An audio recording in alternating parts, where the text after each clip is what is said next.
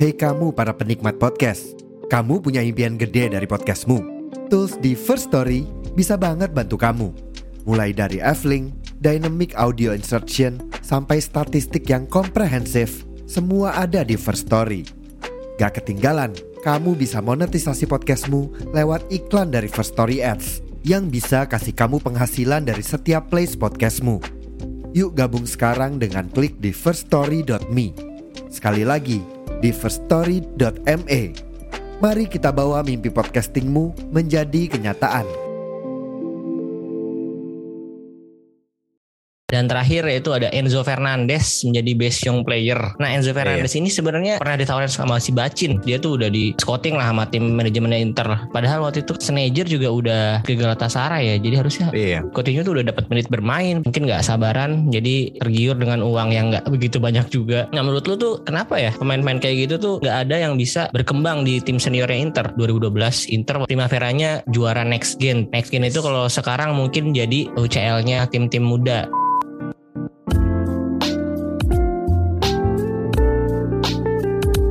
Halo, selamat pagi, siang, sore, dan malam. Kembali lagi di Interisme Podcast, podcast yang bahas berita-berita seputar Inter yang dikutip dari sosial media dan portal-portal berita olahraga. Kali ini gue ngetek tanggal 25 Desember, tepat pada hari Natal. Jadi gue mau ngucapin selamat hari Natal untuk teman-teman yang merayakan dan juga selamat tahun baru karena mungkin episode ini akan diupload ya sekitar seminggu ke depan lah. Semoga liburan kalian menyenangkan dan harapannya tentu kita bisa jadi pribadi yang lebih baik di tahun depan dan pastinya segala target kita dapat terwujud. Amin. Kemudian mungkin beberapa hari setelah podcast ini tayang, akhirnya sebentar lagi kita bisa kembali menonton Inter Milan bertanding di Serie A. Yeay. Jadi teman-teman kalian harus siapin lagi mental kalian, jantung kalian, siap-siap kita senam jantung lagi karena di pertandingan pertama 5 Januari kita langsung ketemu sama Napoli, tim yang lagi on fire nih. Tapi sambil kalian nungguin Inter main lagi, boleh dong dengerin episode-episode dari podcast gue yang sebelumnya juga. Jadi kalian tinggal buka aplikasi Spotify, Noise atau Pogo kalian atau apa pun, tinggal search aja Intrisme Podcast, pilih episode yang kalian mau dengerin. Kalau bisa sih semuanya ya. Oke, kali ini gue kembali mengundang seseorang yang sudah sangat sering gue undang ke podcast gue. Dia juga seorang konten creator dari akun Road to Win. Yaudah nggak usah berlama-lama lagi, gue langsung present aja. Mas Bimo Adi, halo Mas Bimo. Halo, halo semua, halo. Nih suaranya sekarang udah lebih oke banget nih, udah pakai mic Ya. baru ya Mas. Ya sebenarnya mic lama sih tapi tinggal di kantor. Eh, suara udah jelas banget. Yo yo yo. Nah sebelum kita membahas Inter, mungkin kita sedikit membahas yang lain dulu nih Mas. Kemarin kan kita udah selesai ya nonton Piala Dunia, kurang lebih dua minggu yang lalu lah. Menurut lo Piala Dunia kemarin gimana nih Mas? Kan kita awalnya sempat pesimis, eh, kita bilang vibe-nya kurang, agak ragu karena negaranya di negara Qatar gitu. Ternyata Iya. menurut gua hasilnya dari grup sampai finalnya tuh nggak mengecewakan gitu. Menurut lu gimana Mas? Ini Piala Dunia terbaik gue setelah 2006 sih sebenarnya. Wih, karena apa masalah sana? 2006 jelas Itali juara kan. Mm, Ini banyak banget kejutan. Terus last dance-nya bener-bener udah kayak skenario drama aja sih. Emang bener-bener buat antara Ronaldo atau Messi. Ternyata Messi yang jadi aktor di Piala Dunia ini sih. Secara entertain menarik banget sih Piala Dunia kali ini. Bagus Ya, banget. Untungnya finalnya nggak anti klimaks ya. Iya. Kita disuguhkan pertandingan yang luar biasa sampai extra time sampai penalti bahkan. itu seolah-olah pertandingannya itu nggak mau nunjukin yang terbaik yang mana gitu semuanya bagus semua di final itu tinggal hokinya aja nih di mana nih akhirnya hokinya jauh ke Argentina gitu kan Ya. Dan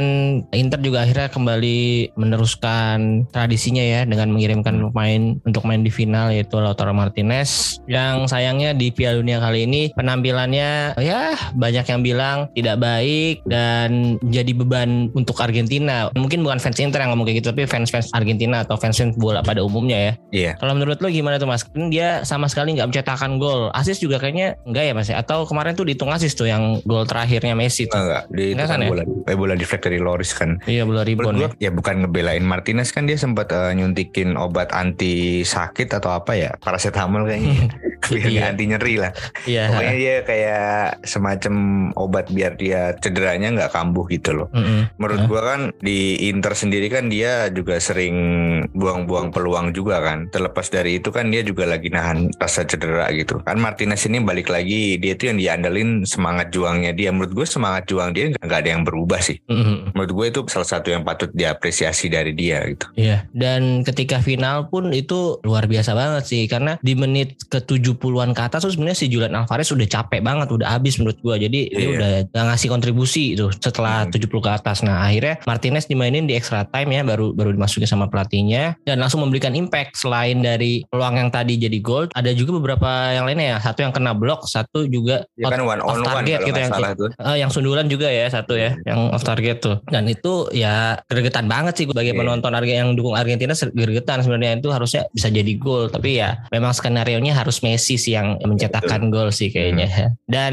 dia nggak kebagian tendangan penalti ya karena kayaknya sih dia ditaruh di pendang terakhir lagi ya. Iya iya, betul. Tempat kan Montiel ya Montiel. Kalau misalnya Montiel nggak gol baru kayaknya itu yang kelima Lautaro Martinez. Dan itu kayaknya kalau misalnya skenario eh, terjadi seperti itu sih gue gue senang banget sih. Walaupun Iya. agak deg-degan tapi gue gue puas sih lihat Martinez selebrasi kayak waktu lawan Belanda ya. Dia kan jadi penendang Iya. penentu juga. Dan itu menurut gue mentalnya udah teruji banget sih karena di Inter kan tahun lalu penaltinya banyak yang gagal ya dua atau tiga kali Ya sering sering kena gawang Martinez tuh nggak tahu kenapa dia. dan ini ya semoga jadi modal yang baik bagi Martinez untuk mengarungi sisa Serie A ke depannya ya. Semoga dia bisa menularkan uh, positive vibes dari kemenangannya di Piala Dunia ke teman-teman yang lain nih. Tapi jeleknya ada di Transfermarkt kemarin kan bikin uh, Hmm. Wars Wars Iya. Piala Dunia ya siapa Hmm. yang bermain jelek di Piala Dunia gitu Martinez sama Lukaku masuk sih.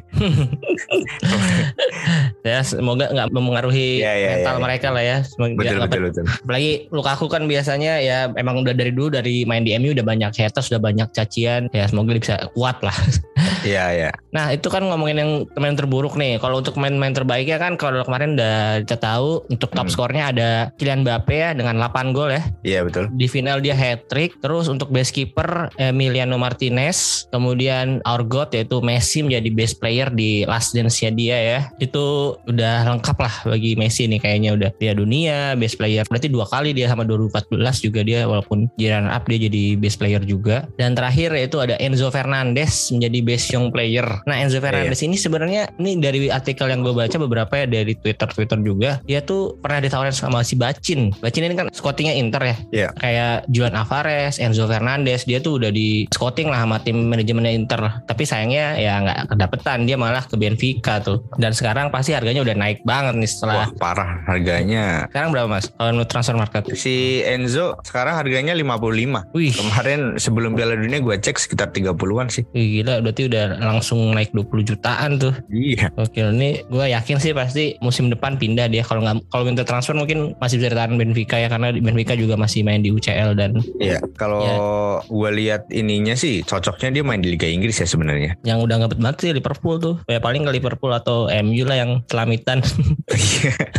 Itali keberatan dah harga segini kayaknya. ya, ya Inter harusnya kalau mau ngambil main-main gini ya sebelum mereka meletek lah dalam tanda kutip ya Iya. sebelum mereka jadi perbincangan di skena bola dunia. Nah ternyata Inter waktu itu melepas dia dan gua nggak tahu pemain mana yang dialihkan tuh perhatiannya. Mungkin sekarang ada di Primavera pemain itu ya. Nah ngomong-ngomong Primavera ya sampai sekarang eh, ada nggak sih pemain yang berprestasi kayak Enzo Fernandez gini nih mas di Iya. Inter Primavera nih? Dari zaman dulu kayaknya belum ada gitu. Ya paling bagus menurut gue angkatannya di Marco sih sebenarnya. Di Marco tuh Sama. 2000 berapa ya? Di Marco tuh kalau nggak salah sekitar 2015-an 16 dah. Pradu, Di Marco, Pinamonti, ada Remanac. Oh iya iya iya tuh. Remanat paling yang waktu itu pernah sempat masuk ke squad utama juga ya, yang Iya. main beberapa game dapat menit lah dia. Terus siapa lagi mas? Ya kalau dulu 2006-2007 ada Balotelli itu. Masih belum ada pemain-pemain yang punya nama buat jadi pemain gede gitu. Ya mungkin itu ya tadi yang lu bilang tadi yang paling sekarang jadi pemain besar atau sempat jadi pemain besar di suatu tim yaitu Balotelli sama mungkin kalau kita Balotelli. tarik ke belakang lagi ada Goran Pandev sama Leonardo Bonucci ya. Iya betul Bonucci, Pandev, ya Balotelli. Kemudian sebenarnya dulu ada Jonathan Biabiani ya sempat prospeknya katanya cukup bagus gitu, tapi Hmm. nyatanya waktu dipakai di senior malah jadi flop gitu. kalau dengar Jonathan Biabiani itu pasti langsung ingetnya sama meme yang dia nggak dioper sama Nagatomo. Ya Nagatomo ya. Eh, iya sih. Nah itu notable player lah. Maksudnya nama-nama yang sebenarnya nggak nggak terlalu berprestasi sih. Cuman karena dia sempat main di Inter, jadi kita ingat juga. Cuman kalau yang berprestasinya di klub lain ada nggak mas? Siapa Sejauh ya ini yang kira-kira ya? bener-bener ngasih impact sih ya Zaniolo-nya di Roma ya walaupun. Oh iya Zaniolo sih yang terakhir ya. Itu dia walaupun menurut lu Inter rugi nggak melepas dia dengan menggantikannya sama Raja Nainggolan waktu itu? Wah rugi banget sih. Inter tuh sering-sering kayak gitu loh yang ngelepas pemain muda kemudian ganti pemain yang berumur gitu. Menurut gua transfer KCD ini salah satu cukup ini ya. Kemarin tuh agak heboh juga kenapa Mm-mm. dia ngelepas KCD gitu. Iya iya, dia itu dilepas kalau nggak salah ya sekitar belasan ya belasan juta euro ya kalau Iya. Chelsea waktu itu. heeh. Dan sampai sekarang dia juga masih main di tim mudanya Iya Chelsea ya, ya, belum Chelsea apa namanya Chelsea reserve-nya masih main Iya, di reserve ya. reserve dia. Tapi sempat dipanggil ke ini nggak tim utama nggak untuk di bench doang gitu sempat nggak di Kayaknya belum dah dia. belum ya. Terus Iya. Chelsea belinya buat apa dong kalau gitu ya? buat Lupa. ini Chelsea kan beberapa hari kemarin beli pemain yang prospeknya buat masa depan sih ada namanya Fofana ada Mm. beberapa pemain yang apa namanya ya yang punya prospek ke depan bagus lah kan dari dulu emang suka begitu dia Iya sih. Yang sekarang dari prospeknya dia main bagus di tim ininya mungkin Mason Mount ya. Dulu kan dia juga dari Iya, muda Mason tuh di akademi Chelsea ya. betul Terus sekarang tuh kemarin dia datengin kunkunya Red Bull Leipzig juga Iya, si Nkunku itu udah ditransfer, maksudnya udah udah, udah masuk udah masuk. Oh, walaupun Udah dia masuk. masih cedera ya kemarin kan dia nggak main di Iya, Academy lagi juga cedera. Piala dunia Terus kalau misalnya transfer-transfer pemain Inter udah dibeli klub lain juga nggak nggak lupa kalau kita punya Philip Coutinho ya dulu iya yang dijual kayaknya murah deh ke Liverpool tuh 8,5 juta seinget gua. iya Kan itu lagi BU banget Inter. Gila sih waktu itu masih dipegang sama Marco Branca. Marco Branca masih masih Ah Branca itu tuh jualnya murah banget dan padahal waktu itu kan Sneijder juga udah dilepas ke Galatasaray ya. Jadi harusnya iya. itu si Philip Coutinho tuh udah dapat menit bermain padahal. Cuman ya mungkin nggak sabaran. Jadi tergiur dengan uang yang nggak begitu banyak juga. Sayang Betul. banget sih itu. Nah menurut lu tuh kenapa ya pemain-pemain kayak gitu tuh jarang atau mungkin nggak ada yang bisa berkembang di tim seniornya Inter? Menurut gue nih mungkin karena balik lagi ya masalah duit ya. Hmm. kalau mereka dipagerin sama kontrak yang ibaratnya dua kali lipat dari junior, menurut gue Hmm. mereka masih mau-mau aja sih sebenarnya main optimal di Inter gitu. Terus kalau yang udah-udah kan Inter suka lebih mending belanja pemain yang ibaratnya belum punya nama. Contoh lah yang musim kemarin kayak dia lebih milih beli Belanova daripada maksimalin si Zanotti gitu loh. Lebih milih beli Aslani daripada manfaatin si Kasade gitu. Hmm. Kayak gitu kan kayak ngebuat pemain-pemain yang di level junior buat apa gue naik, buat apa gue ngasih performa terbaik gue ujung-ujungnya gue nanti juga nggak kepake gitu di tim senior. Nah terbukti kan Inter Primavera sekarang di peringkat 15 kalau nggak salah drop banget sih mereka. iya biasanya tuh dia langganan juara ya bahkan ya Karena udah dari zaman si Pinamonti, Odgaard tuh, Martin Odgaard, Hmm. Lorenzo Krizetic, Daniel Besa itu memang cukup bagus gitu di level Primavera gitu. Kemudian dia naik senior dikasih kesempatan aja enggak gitu sama manajemen ataupun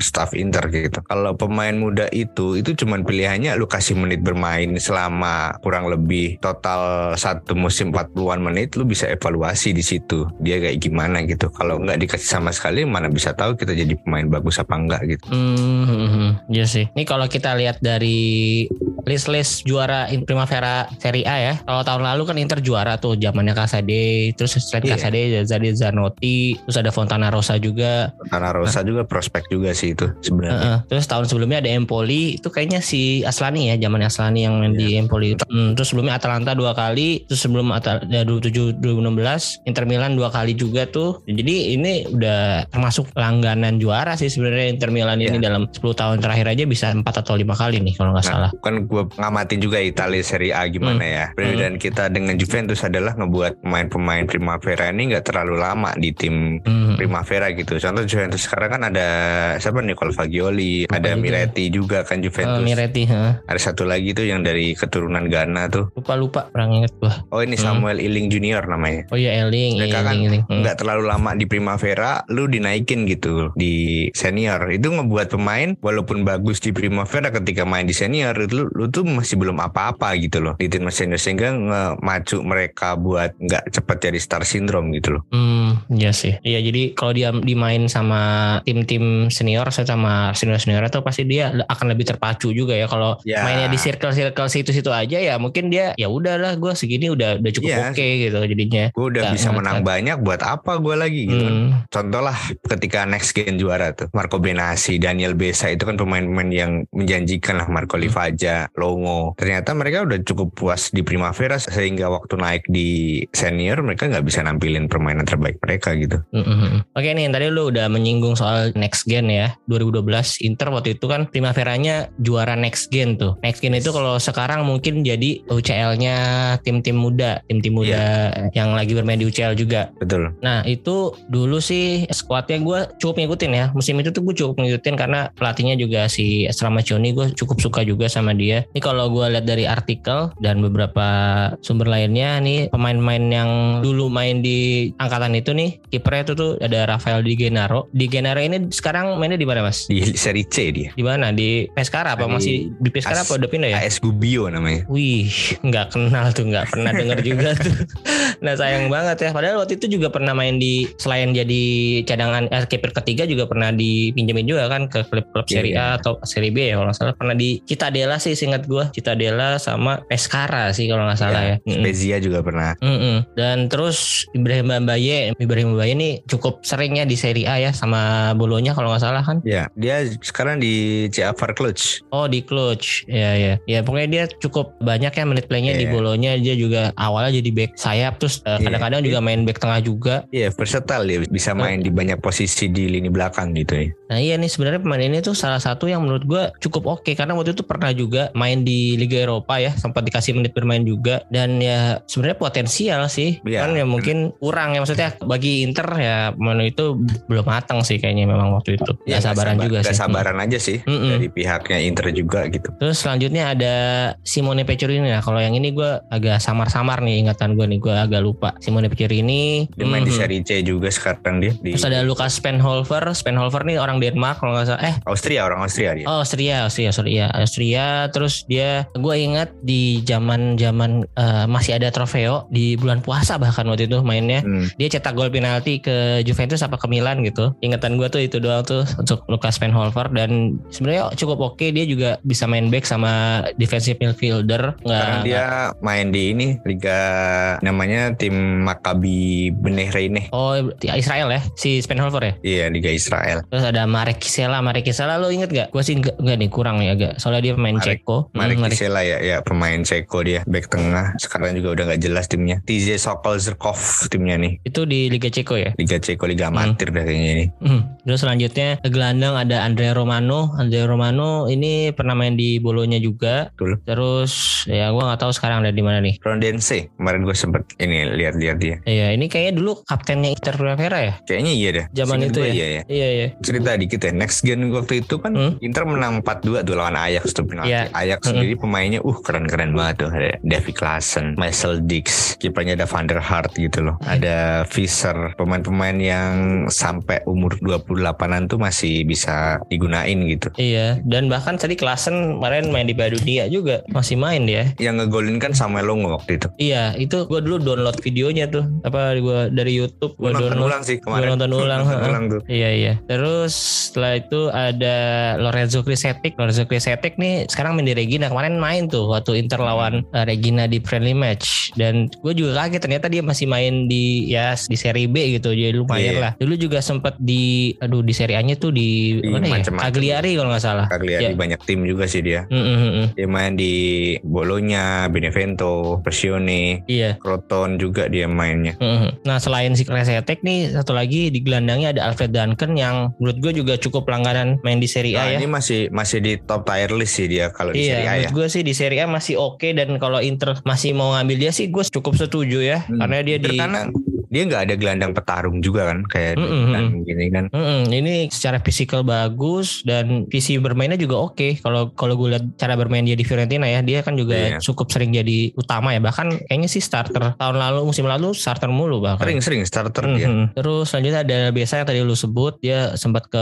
Hellas Verona, terus sekarang di mana ya? Si Besa. Brazil ya nih kalau. Bisa main di ini Al Ittihad Oh di Arab justru ya. di Arab dia main. Mm, dia biasa juga di Hellas Verona Girona sempat jadi kapten juga deh kayaknya. Maksudnya ya wakil kapten atau kapten gitu. Pokoknya dia Iya. jadi pemain salah satu pemain pentingnya Las Verona. Nah, Dia mau nyari duit buat Iya bangun udah. kos-kosan kali di Itali sana di Iya nih kayaknya ya pemain-pemain yang udah nggak terlalu oke karirnya gitu ya. Maksudnya stuck di Iya. situ aja mungkin Stuck. lebih memilih ke liga-liga Arab atau Cina dulu ya. Dulu kan Iya, liga Cina juga iya, gajinya kayak gede ya. Kayak apa? Paulinho, Hulk gitu kan juga ada. Iya, sekarang yang yang penting mah cuannya aja kali ya. Iya. Kalau udah nggak ada harapan main di Piala Dunia atau di Liga Champion mungkin ya udahlah, yang penting duit aja sekarang. Terus selanjutnya ada Samuel Longo nih, pemain yang sangat menjadi andalan Inter kalau di preseason. Terakhir tuh musim lalu, musim musim musim ini sebenarnya masih ada waktu itu, cuman eh, nggak sempet main juga di preseason udah udah keburu pindah lagi. Nggak tahu udah permanen Oh. apa masih dipinjem-pinjemin doang nih. Kalau setahu lu sekarang di mana? Liga 2 Belanda dia sekarang sama Longo. Liga 2 Belanda, tapi dia dapat menit bermain nggak tuh? Gue cek dulu menit bermainnya dia. Wow dapat ya 100% dia starting eleven. Oh iya, tapi tier kedua ya, apa ketiga bahkan? Eh, tier kedua namanya ini ya FC Dordrecht. Dordeh. Iya, dia sekarang udah 30 tahun. Terakhir dia main kompetitif di tier 1 gitu di liga mana? Terakhir dia di La Coruna juga pernah dia tahun 2020. Seingat gue ya. Iya, iya. Habis La itu Corona gue udah nggak ngikutin dia lagi. Iya, Gua- pokoknya itu dia dipinjemin setahun-setahun doang ke tim-tim Hmm. kayak gitu ya. Kebanyakan di Spanyol tadi Deportivo La Coruña, terus ada Huesca, Tenerife, Girona tuh. Waktu itu dia 2013 ke Spanyol bareng si Coutinho kalau nggak salah. Ya, tapi karirnya sampai saat ini gitu-gitu aja. Beda dengan satu main yang akan gue sebutin ini yaitu Marco Livaja. Ini Marco idola gue Livaja. dulu nih. Iya, Gua dulu naruh harapan bener-bener nih ke pemain ini nih. sama sama. Ini dulu kalau di Inter mainnya nomor 88 seingat gua. Sempet dapat menit bermain juga di Europa League sama Serie A walaupun nggak banyak dan ya seingat gua itu dia pernah duh di depan gawang tapi nggak gol tuh Marco Livaja waktu itu. Lawan apa Iya. gue lupa. Lupa-lupa inget juga tuh lama banget itu.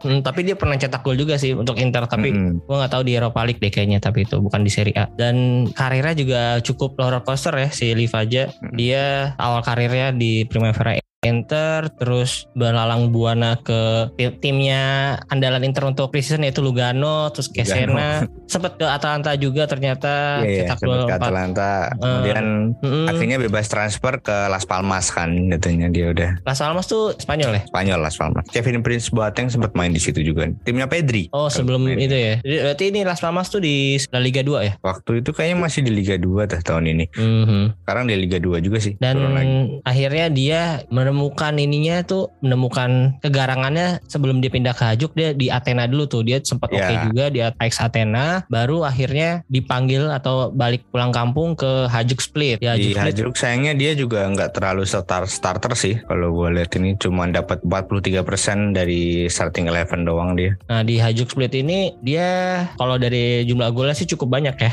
45 gol dari 65 pertandingan. Cukup oke lah apa perbandingannya ya. Terus sampai kemarin akhirnya di 2022 dia bermain untuk timnas Kroasia dan berhasil Sebenarnya mendapatkan kaget juga sih ketika dia dipanggil daftar namanya lah Divaja ini Iya karena mungkin ya sekarang Kroasia strikernya siapa lagi ya Dulu ada Mandzukic, Ivica Olic Dan sekarang ya, ya si Kramaric pun menurut gue bukan yang top Oh. gitu ya eh, eh, top Ya. tier untuk jadi eh, tim yang menyeramkan di Piala Dunia gitu Iya ya, Baik. kalau nyinggung Kroasia dikit sih emang generasinya ntar ya. Hmm. Ini agak susah juga sih kalau ngomongin di sektor Penyerang ya? Depan ya. Mm, mm, mm, Karena menurut gue sejauh ini yang bermain cukup bagus cuman si Petkovic doang sih yang menjanjikan lah mm, mm. untuk prospek ke depannya gitu. Selebihnya yang lain gue rasa aduh agak kurang di lini tengah pun ditinggal Modric gue rasa belum ada yang selevel sama Modric gitu sampai Iya. sekarang. Kalau di lini belakang jauh bagus banget gitu. Iya, ya mungkin kalau kemarin si Kroasia punya striker yang oke ya, itu bisa sih final lagi kayaknya ya harusnya ya. Harusnya bisa berhubung Kroasia bener-bener sampai depan tuh udah nggak bisa ngapa-ngapain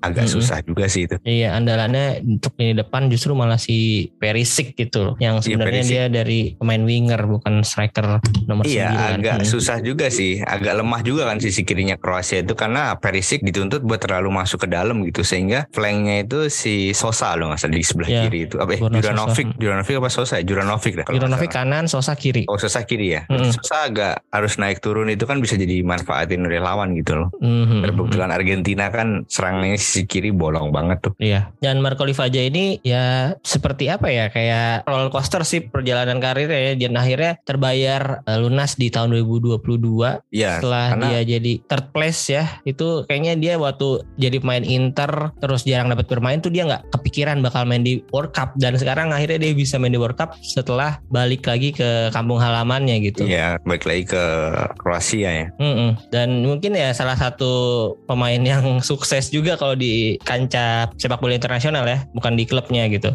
Iya, si Rivaja ini kalau untuk jebolan Inter Primavera. Oke, terus setelah kita ngomongin next gen mungkin yang sekarang gimana nih Mas? Inter Primavera yang sekarang, yang tahun ini. Ada nggak beberapa nama yang mungkin menurut lu cukup potensial nih? Kalau untuk kemarin kan udah beberapa main di pertandingan uji coba ya dari lawannya pertama tuh lawan apa tuh yang tim Malta tuh gue lupa. Zero United sampai kemarin lawan Regina. Itu kan ada banyak pemain muda Inter tuh salah satunya ada ya Fontana Rosa tadi, terus ada Zanotti, Curatolo. Denis Curatolo, Valentin Carboni. Nah menurut lu ada nggak beberapa nama yang cukup oke nih? Gue sempat nonton ulang pertandingannya itu cuma lawan Salzburg kan menurut gue menarik ya karena Hmm. Salzburg kan juga salah satu tim yang langganan di Eropa juga ya walaupun Hmm. dari Red Bull Salzburgnya Austria kan ini Mm-mm. gue liatnya yang paling menonjol ya pasti Carboni sih karena dia golin satu kan terus di sisi lain juga yang menurut gue permainannya udah mulai nyetel sama tim senior sebenarnya sih ya Fontana Rosa yang lain Hmm. masih kayak agak canggung-canggung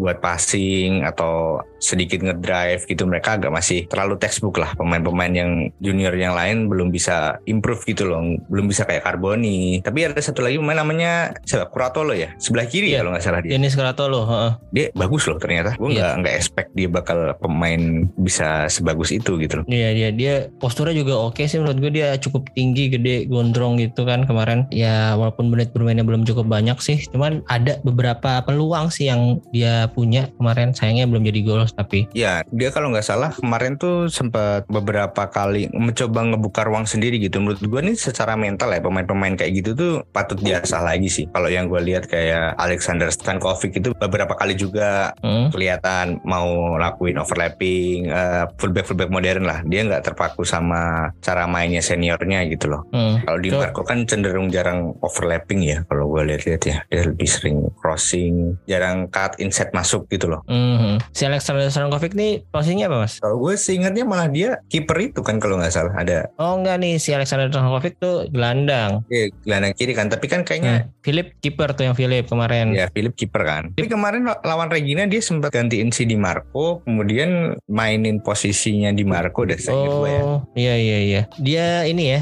ketika kemarin gue juga lupa nih eh, menyebutkan uh, Oh, Sinisa Mihailovic ya. Mihailovic meninggal karena bertarung dengan penyakit leukemianya ya. Mm-mm. Itu si Alexander Stankovic juga sempat ngepost. Ternyata dia tuh eh, mungkin itu gue kurang ngerti sih. Cuman kayaknya itu baptis ya acara baptis gitu yang baptis si Sinisa Mihailovic ternyata. Ya mungkin yes karena dari dulu zaman itu mainnya Stankovic sama Mihailovic cukup sering jadi ya udah cukup akrab mereka tuh. Kemarin kan Ya. kalau nggak salah tuh ada, ada postingan yang ngebawa petinya si Mial Jovic tuh paling depan tuh ada Mancini sama si Stankovic sih. Stankovic. Hmm, hmm, hmm. Jadi mungkin ada salah satu sahabatnya dan ya ibaratnya jadi, jadi omnya Stankovic Dari zaman inilah. Di Lazio kan dia. Iya dulu dari zaman di Lazio terus akhirnya ketemu lagi di Inter terus ya mungkin di luar sepak bola juga mereka sering nongkrong bareng kali ya jadi ya udah jadi seperti bapak sendiri kayaknya nih bagi si Alexander Stankovic dan Stankovic Stankovic lainnya nih Kalau ngomongin Stankovic, gue rasa sih mungkin Handanovic nanti bakal pensiun ya. Philip Stankovic bisa naik sih karena dia di lagi dipinjemin kan sekarang ya dipinjemin di Belanda namanya Volendam. Kemarin Hmm. gue sempat ada kerjaan yang riset Liga Belanda kan. Hmm? Jadi gue sempat riset ternyata dia main di Volendam dan dia main full starting Oh, iya. 11 dari Oh oke nih Menurut berarti gua- cukup oke Hah? udah dipercaya gitu loh di Volendam gitu untuk jadi starting eleven menurut gue Inter kalau sampai ngelepas pemain-pemain yang punya potensial kayak gini gitu agak sayang Mhm. juga sih Tapi Volendam ini di divisi 1 apa divisi 2 ya mas? di divisi satu dia Oh area divisi ya? ya walaupun lagi di posisi terakhir ya tapi Oh iya iya nih gue cek ternyata dia udah kebobolan 39 9 kali dan clean sheet baru satu kali doang Iya. dari 14 pertandingan. bukan dari segi kebobolannya atau Hmm. gimana dari mentalitas dia udah dipercaya berarti ada ada yang menarik gitu loh dari pemain ini gitu loh Ya. dengan usianya masih muda banget kan Philip Stankovic ini Iya 20 tahun bisa dan jadi dia cadangannya cadangannya Onana dimainin di Copa Inter tuh kurang kayak gitu gitu loh iya kurang berani buat mainin pemain-pemain muda gitu loh sehingga gue kemarin mungkin di Juventus sendiri agak nggak ada pilihan lain ya kan selain mainin Fagioli, Miretti atau si Iling Mm, nah Inter tuh belum sampai dengan keadaan terdesak kayak gitu iya sih iya iya harus menurut gue nggak usah nunggu sampai keadaan kayak gitu berani buat mainin pemain-pemain yang punya potensi gitu loh ketika sekuat utamanya tidak perform Iya setuju setuju. Dan itu sebenarnya gue kaget tuh ketika lawan Roma walaupun kalah ya. Waktu itu si Carboni. Carboni dimasukin. Nah itu harusnya bisa lanjut ternyata tapi di situ doang. Pertandingan selanjutnya justru yang ketika udah menang malah nggak dimainin. Padahal gue Iya. gue tuh ngarepnya ya udahlah kalau misalnya udah dalam keadaan nyaman gitu, leading nyaman, udah masukin aja tuh beberapa pemain muda satu atau dua gitu. Inter ini kan 352 ya kalau main. Hmm. Kalau Carboni itu lebih cocok ke 343 sih kalau gue lihat dari Iya, dia jadi- mainnya dia ya. Dia Di winger ya sebenarnya dia lebih ke Iya, winger ya. dia lebih stylish, kemudian dia berani-berani nusuk gitu loh. Menurut gua Hmm. kalau dia mau belajar sedikit posisi yang ditempatin Lautaro, dia bisa ganti-gantian juga sih daripada Iya. Joaquin Korea yang nggak terlalu konsisten ya mainnya ya. Iya iya setuju setuju Carboni sih salah satu yang menarik dan semoga nasibnya nggak sama kayak si Kasade ya yang buru-buru dilepas. Iya. Harusnya sih musim depan masih bertahankan dan dapat menit bermain yang lebih banyak nih. Nah ini kemarin sempat ada kabar si Stefan de Vrij buat diperpanjang kontrak ya kalau nggak salah. Mm-mm. Menurut gue sih nggak usah sih. Mendingan naikin si Fontana Rosa ya. Fentana Rosa sekarang udah naik kan. Mm-mm, Ya, dikasih ya. menit bermain banyak Ya, gitu ya. Dikasih menit bermain lebih banyak lagi gitu loh. Mm. Mungkin kan si Fontana Rosa ini kalau gue lihat dari beberapa pertandingan kemarin kan ditempatinnya di posisi Bastoni di back kiri ya maksudnya back tengah yang sebelah kiri gitu. Iya. karena dia kidal juga. Ya mungkin bisa dicoba dan nanti Bastoni yang di tengah gantiin De Vrij Fontana Rosa yang di kiri gitu. Karena kalau gue sih cukup sering main ini ya FIFA FIFA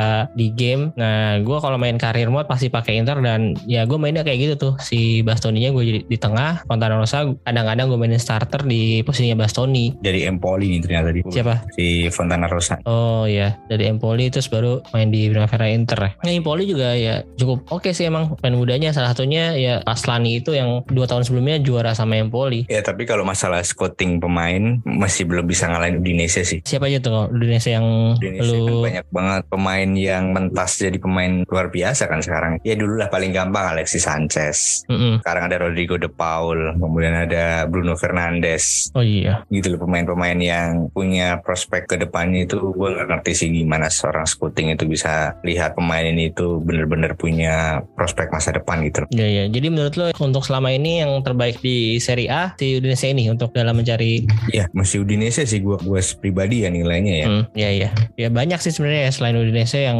ini kayak Atalanta juga cukup oke. Nah, ya oke lah Atalanta tapi Mm. belum masih belum bisa nemu pemain yang punya nilai tinggi gitu kayak di Indonesia gitu. Oke, setuju setuju. Bahkan kan kalau ingat ya ada Zico, Zico pemain Brazil dulu kan Oh iya, itu dulu Indonesia. dia dari Flamengo kemudian dia pindah ke Udinese kemudian balik lagi ke Flamengo walaupun Oh, di- tapi dia nggak sempat main di senior ya? Apa sempat waktu itu? main di senior di Udinese. Oh iya iya. Banyak Oh sih. iya jadi dia dulu udah cukup sering menetaskan nama besar ya. Iya udah karena Udinese sendiri ibaratnya kalau bahasa di sini kan belusukan ya belusukannya dia tuh bener-bener udah sampai mancanegara dan bagus banget sih. Gue Hmm. Iya, nggak tahu iya. tim lain ngakuin apa yang mungkin tim lain mulai ikut-ikutan sih karena itu kan bisa ningkatin value di tim juga bisa nguntungin kalau pemain itu bagus bisa dijual mahal juga kan. Iya betul betul. Itu ya yang mungkin Inter baru sampai tahap situ doang sih baru tahap nyari pemain muda oke tapi untuk dijual bukan untuk dipakai sendiri untuk timnya ya Nah, sampai itu saat ini. ya kita belum nemu lagi Zanetti yang lain sih sebenarnya. Iya iya. Ya itu mungkin si Zanotti sih. namanya mirip gua nggak tahu kenapa. Kayaknya bapaknya kok namanya bisa mirip posisinya sama gitu. Dan sayangnya banget kan kapten Inter tuh nggak dari Primavera gitu. Walaupun gua pengen banget ya kapten tuh dari Ya. Produk sendiri gitu kayak Calabria di Milan gitu kan. Eh, Mm-mm. lihatnya tuh enak gitu loh. Mm-mm. Kayak Maldini ini pinter juga sih menurut gua ngasih kapten ke Calabria gitu. Iya iya jadi ya benar-benar punya rasa memiliki lebih gitu sama timnya karena dia dari kecil udah main di Inter terus sampai sekarang maksudnya bisa sampai jadi kapten kan itu Iya. perjuangan yang luar biasa bagi seorang pemain. Hmm. Kalau menurut lu sampai saat ini yang cocok nih eh, untuk jadi next kapten Inter kalau dari Primavera siapa mas? Zanotti kalau nggak Fontana Rosa sih kalau gua lihat mainnya aja sih. Kalau Zanotti kan kayaknya musim ini gue jarang lihat kenapa ya gue nggak ngikutin dia juga cedera atau gimana Di Primavera-nya atau di Inter sendiri? di Primaveranya. Oh ya jarang jarang main dia ya. Tapi Iya, kayaknya dia justru juga ini deh kayaknya kapten deh padahal. Iya dia kapten, dia kapten di Heeh. Primavera nih gue di Transfermarkt deh. Gue ngikutinnya musim kemarin sih. Hmm. Karena musim kemarin kan pertandingan Primavera disiarin di Mola tuh gue lihat. Mm-mm, mm. Gue iseng aja tuh waktu itu waktu Inter masih saingan sama Roma tuh sebelum ke partai ternyata ada partai finalnya kan. Iya dia ada jadi empat teratas tuh di playoffin gitu ya. Iya, jadi beberapa pertandingan sebelum itu 10 pertandingan apa itu gue nonton rasa deh. Wah ini gelandang keren banget mainnya visinya. Gue kayak ngelihat Gagliardini tapi punya speed dan punya visi bermain jelas gitu loh. Posturnya Mhm. mirip-mirip Gaglia kan si Kasade ini tinggi gitu kan. Eh. Tapi passingnya tuh keren-keren banget ini untuk ukuran junior ya. Mhm. Terus Zanotti ini kaget juga pemain Itali bisa mainin inverted wingback kayak Zinchenko-nya Arsenal cukup bagus gitu. Dia nutup di tengah kadang biarin sayapnya naik sampai depan gitu. Back Oh sayap dia gitu. dia tuh lebih sering main di kiri. Eh, di kanan. Oh, di Zanotti. kanan. Oh dia drafty ya? Gue nggak enggak nih. Gue kira kanan dia. Dia kalau beberapa pertandingan yang gue lihat emang dia back kanan tapi Hmm. kalau back kirinya nggak perform back kirinya diganti back kanan si Zanotti dipindahin ke kiri gitu sih. Oh iya iya. Beberapa pertandingan di seri. Waktu itu kan cepat dapat menit main juga dan itu emang kelihatan punya potensi gitu. Jadi dia visinya ada gitu nggak cuman kayak kalau sejauh ini ya kalau gue lihat kayak Belanova, Belanova tuh ya cuman mengandalkan fisik dan kecepatannya doang gitu. Masih Visinya masih belum belum ada. Heeh. Masih belum punya visi bermain sih kalau gue Hmm. lihat si Belanova ini. Makanya gue sering bilang gue kalau si Dumfries nggak perform itu jangan masukin Belanova dah, mending Darmian aja dah. Iya dengan Darmian ya. Yang gue sesalin dari si Inter waktu ngakuin uji coba adalah dia nggak berani nge-starting 11 lebih dari satu pemain Primavera gitu. Seharusnya menurut gue kalau uji coba kayak gini biarin aja 11 pemain utama tuh dari Primavera semua gitu loh. Sekalian tes mental aja sih harusnya. Ya mungkin ya gue nggak tahu kan pertimbangannya mungkin ya mungkin karena musim bentar Chemistry lagi mungkin ya. mulai lah. Iya maksudnya eh, chemistry kan belum padu-padu banget dan Ya musim bentar lagi mulai lagi kan di Januari ini. Jadi ya ya banyak menit mainnya. Ya harusnya sih kalau menurut gue pasnya mungkin ya 3 sampai 4 orang pemain lah paling nggak Iya. starter tuh. Kemarin yang Mhm. pertandingan pertama tuh udah gue mulai optimis nih lawan Gzira kan si Heeh. Carboni starting nih gue harapnya Iya. wah ini next uji coba nih kayaknya bakalan banyak pemain muda yang jadi starter ya nyatanya malah nggak ada lawan Salzburg pemain-pemain yang sering kita lihat di Serie A gitu. Hmm, hmm. Ya ya. Berarti menurut lu apa yang harus dilakukan oleh manajemen Inter atau tim kepelatihan nih agar banyak pemain muda Inter yang bisa berkembang dan memberi kontribusi di tim utama? Nah, menurut gue tuh Inter musim depan ya, musim Hmm. depan atau musim ini harus berani ngelepas salah satu trofi dari yang mereka ikutin semua gitu. Misal di Copa mereka Hmm. udah bener-bener kayak pakai pemain-pemain muda gitu loh. Hmm, Oh iya, iya. Ya. berarti udahlah maksudnya nggak usah ngincer menang Hmm. di Copa Karena- gitu ya. Ibaratnya cuma mainin aja main-main muda Ya, gitu karena ya. dengan keadaan ekonomi kayak gini gitu loh, kita harus bener-bener pinter-pinter ngelola pemain gitu loh. Jangan langsung beli pemain dari luar gitu, manfaatin pemain yang ada aja gitu loh. Kecuali kita keadaannya kayak Manchester City gitu loh. Kalau sampai kita ngelepas tiga trofi ya sayang banget gitu. Setuju setuju sih. Ya, ya menurut gua kan ya mungkin ya mungkin sebelum sebelum ini trofi Copa penting ya karena uh, untuk jadi inilah ya prestasinya dari eranya Steven Zhang gitu untuk melengkapi Ya. trofi-trofi kan udah Serie A, udah Copa, Super Copa. Nah mungkin kan udah dapat semua nih ya udah mungkin yang si Kopanya direlain aja dalam tanda kutip gua untuk kayak- memainkan main muda gitu ya. Walaupun impact si Mkhitaryan itu bagus ya menurut gua kan nyesel juga sih kenapa dia ngontrak Mkhitaryan lepas Kasade gitu. Iya. heeh. Itu gua wah ini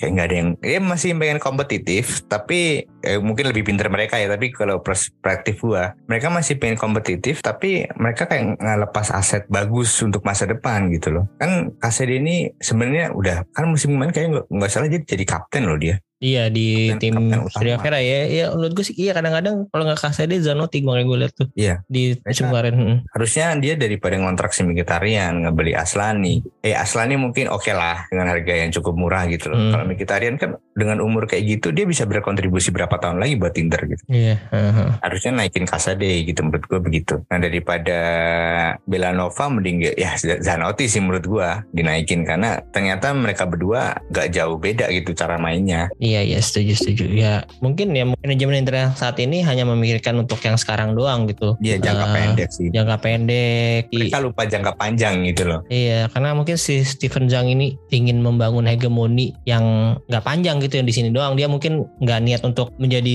eh, pemilik Inter dalam jangka 10 tahun atau 15 tahun kayak Moratti. Eh, Dia cuma ya masalah bisnis dan Ya masalah bisnis sih ini. Mm-mm. Jadi ya mungkin ya yang penting gue untung lah dari Inter. Gue udah beli Inter segini. Yang penting gue ntar jualnya untung. Dia udah mikirnya sampai kayak gitu gitu. Mm-mm. Mulai ke ke Liga Inggris Liga Inggrisan gitu cara dagangnya gitu kan. Iya iya. Oke, yaudah mungkin segitu aja untuk obrolan kita kali ini Mas. Thank you banget nih udah kembali mau gak undang di podcast gua. Yo. Dan ya semoga next time kita bisa ngobrol bareng lagi. Kalau sekarang Rotu ini lagi sibuk apa Mas? Karena kan Piala Dunia udah eh, ngepost ngepost serba serbi Piala Dunia nih. Sekarang selepas Piala Dunia ada apa lagi? Aduh, belum update-update lagi sih. Masih nyoba nyari-nyari konten sih. Karena ada kerjaan di Liga Inggris juga. Jadi masih Oh. belum bisa kebagi waktunya. Kalau di AFF nih nggak ini. Sekarang Indonesia udah mulai nih. Hmm. AFF udah bergulir. Nggak bikin konten kayak kemarin lagi. Abis di kantor sih sebenarnya. Abis ininya di kantor sih. Oh ini kantor ya kan di- lagi juga ini juga. Iya kantor kan lagi nyiarin ya. official broadcasting gitu. Mm-mm. Jadi sehari sekali gue usahain ngepost lah. Oke oke. Jadi teman-teman kalau yang belum tahu atau belum mampir ke akunnya Rotuin silahkan di sana ada informasi-informasi sepak bola yang seru juga. Biasanya eh, grafis ini ya, grafis infografis ya bentuknya. Iya. Trivia-trivia yang menarik. Terus di. YouTube-nya juga masih sering nggak mas kalau YouTube? Udah nggak kepegang YouTube.